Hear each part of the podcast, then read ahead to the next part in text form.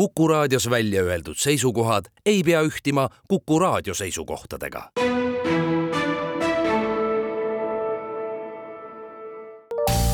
terviseks. Saadet toetab Lääne-Tallinna Keskhaigla, vaata ka keskhaigla.ee tere, head Kuku kuulajad, eetris on saade Terviseks ja me räägime täna hemoroididest. mina olen Ingela Virkus ja koos minuga on stuudios Lääne-Tallinna Keskhaigla üldkirurgia ja koloproktoloogia keskuse ülemarst, juhataja, doktor Kaur Liivak, tere! tere! mis keskus on koloproktoloogia keskus, et mis valdkondadega te täpsemalt seal tegelete, kes on teie patsiendid, mis muredega nad seal on? See on selline natukene spetsiifiline keskus, mis tegeleb jäme- ja pärasoole haiguste raviga ja diagnoosimisega, on nad siis healoomulised või pahaloomulised. ma saan aru, et neid keskuseid ei ole Eestis liiga palju? Neid keskuseid sellised universaalsel kujul on tegelikult ainult Lääne-Tallinna Keskhaigla. regionaalhaigla on rohkem keskendunud maliigsetele probleemidele, pahaloomulisele haigusele mis sellised tõsisemad haigused võib-olla veel siis sealt keskusest nii-öelda läbi justkui nagu käivad peale hemoroidi probleemide?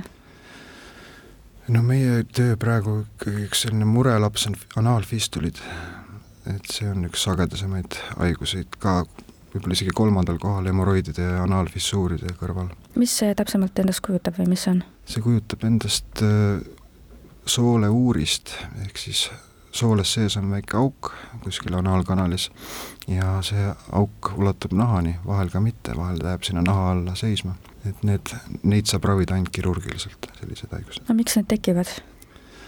Väga raske on öelda, neid põhjuseid me peaaegu mitte kunagi ei saa teada, aga need tekivad mingisugusest põletikust, mis tekib seal krüptides ja kas see põletiku algataja on, ma ei tea, kalaluu, kõhulahtisus, noh, seal täiesti ükskõik, mis võib olla põhjuseks, ettevaatamatu paberiga pühkimine näiteks. kui aga hemoroidide juurde tulla, siis kui levinud see probleem on, et ta ikkagi on seal esikolmikus, ma saan aru, kõikidest nendest no, probleemidest, millega te pöördumistest on ta ikkagi number üks, et neid hemoroide on meil kõigil et siin tulebki rääkida kahest erinevast asjast, et üks on hemoroid kui kude, mis on nagu anatoomiline kude kõikidel inimestel, sisemised ja välised hemoroidid, ja teine on hemoroidi haigus, millega siis noh, tavaliselt tullakse arsti juurde. tavaliselt on need kaebused siis veritsus, kõige sagedasem pöördumise põhjus. ja see mure on väga sage, et ega noh, ma arvan, et kui, ilmselt rohkem kui kümme-viisteist protsenti on mingisuguses etapis elus mingit hemoroidi probleemi kogenud. mida vanemaks inimene saab, seda suurem see protsent ilmselt on. aga enamasti siis ma saan aru, kaob see ise mingil hetkel ära või? jaa, see hemoroid on jah täiesti iselimiteeruv haigus, et see põletikku tuleb, siis see võtab kümmekond päeva, kui ta läheb ära. kui on välishemoroidi tromboosid, siis võib ka kuni poolteist kuud minna aga kas võib olla selline olukord, et inimene ise ei teagi, et tal on olnud see haigus või pigem ikkagi selle tunneb ära kohe, kui see on? haigus, verejooksud on, ütleme see noh, selline asi, mida kas inimene märkab või ei märka, et sisemine hemoroid eriti rohkem palju sümptome vahel ei annagi. et, et toimub äh, defekatsiooni ajal veritsus, kas see veri on natukene väljaheite peal või pühkimisel paberi peal, võib-olla kõik ei vaata, et noh, enamus ikkagi ei teagi, et neil on suurenenud need, et ta ikkagi nii-öelda salaja kasvavad seal sees. annab ta mingeid sümptome veel, näiteks valu või? valu kindlasti on rohkem välise hemoroidi probleem. aga kui sisemised hemoroidid on väga suured, siis nad võivad ka pitsuda, nad lähevad põletikku ja siis on see ka päris valus. miks need äh, tekivad või kellel nende tekkeks suurem soodumus on? jah, hemoroidi kui haiguse selline tekkemehhanism tegelikult ei ole ka teada et äh, esimesed teated hemoroididest ulatuvad enne Kristust, ikka pole väga palju lähemale sellele jõutud, miks nad suurenevad. Neid teooriaid on väga palju, et seal on palju riskifaktoreid, mis mõjutavad hemoroidide teket.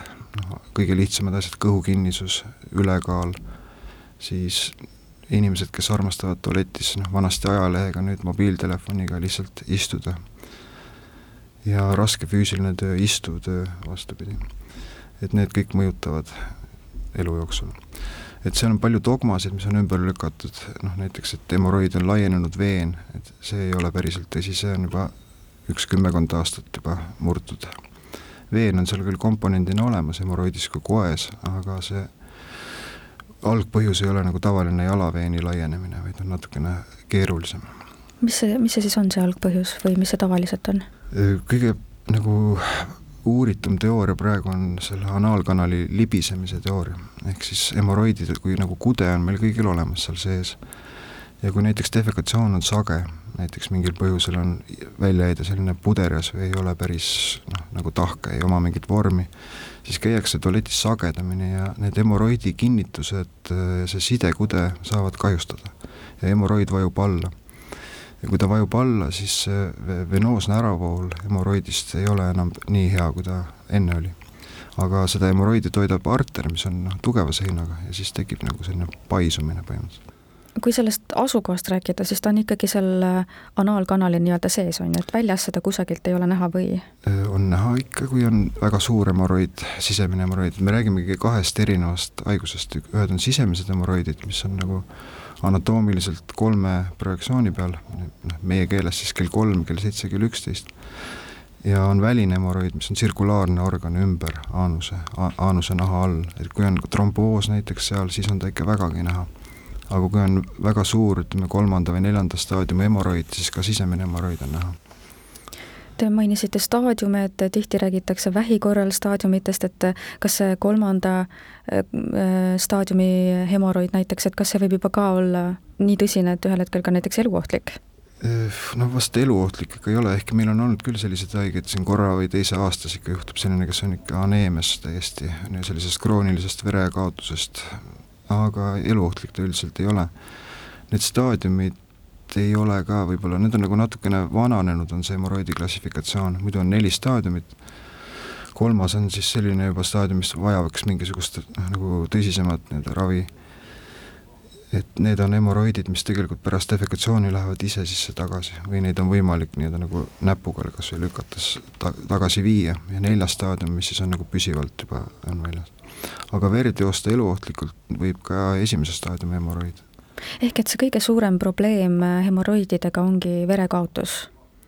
tavaliselt küll, sisemises hemoroidis ja kui on välises hemoroidis põletik või tromboos, siis on valu täiesti kindlalt kui, äh, kuna see on selline teema, millest väga ei räägita, ma eeldan, et ka perearsti juurde väga ei taheta minna sellega, võib-olla siis ainult, äh, kui on juba väga väljakannatamatu seis, aga võib-olla tahate ümber lükata? ma tahaks jah, sest inimeste teadlikkus on aastatega paranenud ajakirjanduses räägitakse ikkagi noh, veritsusest kui sümptomist ikkagi õnneks väga noh, tumedates värvides, mis on väga mõistlik.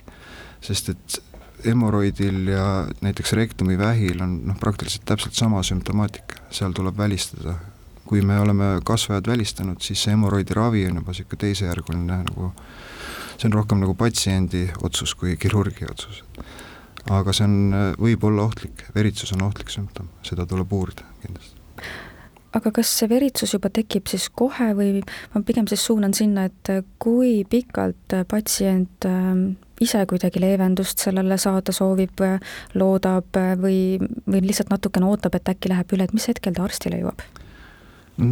tavaliselt ikkagi noh, enamus neid hemoroidi muresid lähevadki ise üle, ta võib olla ka väga suur hemoroid, aga kui sa haigele kaebuse ei põhjusta, siis ta ei tule arsti juurde, ei ole ka mõtet, sest ega neid nagu profülaktiliselt ei ole mõtet ka ravida et tullakse ikkagi siis, kui on mingi probleem. ma ei oskagi vastata sellele küsimusele ausalt öeldes, et see noh, inimesed on väga keeruline nii-öelda nagu psühholoogia on väga erinev inimestel, et mõni tuleb kohe esimese nii-öelda nagu valu sähvatuse peale või esimese veretilga peale, aga teine tuleb juba sügavas aneemias, et aga kas oleks siis mõistlik äh, jälgida mingi teatud päevade jooksul, et kas läheb olukord paremaks või või mida ise enda puhul siis tähele panna näiteks? no kui me räägime veritsusest, siis noh, need, need peaksid ikkagi mõne päevaga minema üle. kui on valutu veritsus pikka aega, siis seda tuleks ikkagi tõsiselt juba uurida. Kui on valulikkus ja veritsus, siis see võib püsida rohkem, et kui me noh, see, seal võib olla algpõhjus näiteks välise hemoroidi põletik või tromboos. ja kui seal toimub ka haavandumine, siis ka sealt võib tulla korralikult verd noh, see on selline erakorraline tegelikult situatsioon, millega võib kas ka EMO-sse minna täiesti rahulikult, et seal EMO-s saaks selle trombi lahti teha ja, ja see läheb kiiremini mööda. me jätkame oma vestlust juba homme kell neliteist nelikümmend viis. terviseks saadet toetab Lääne-Tallinna Keskhaigla, vaata ka keskhaigla.ee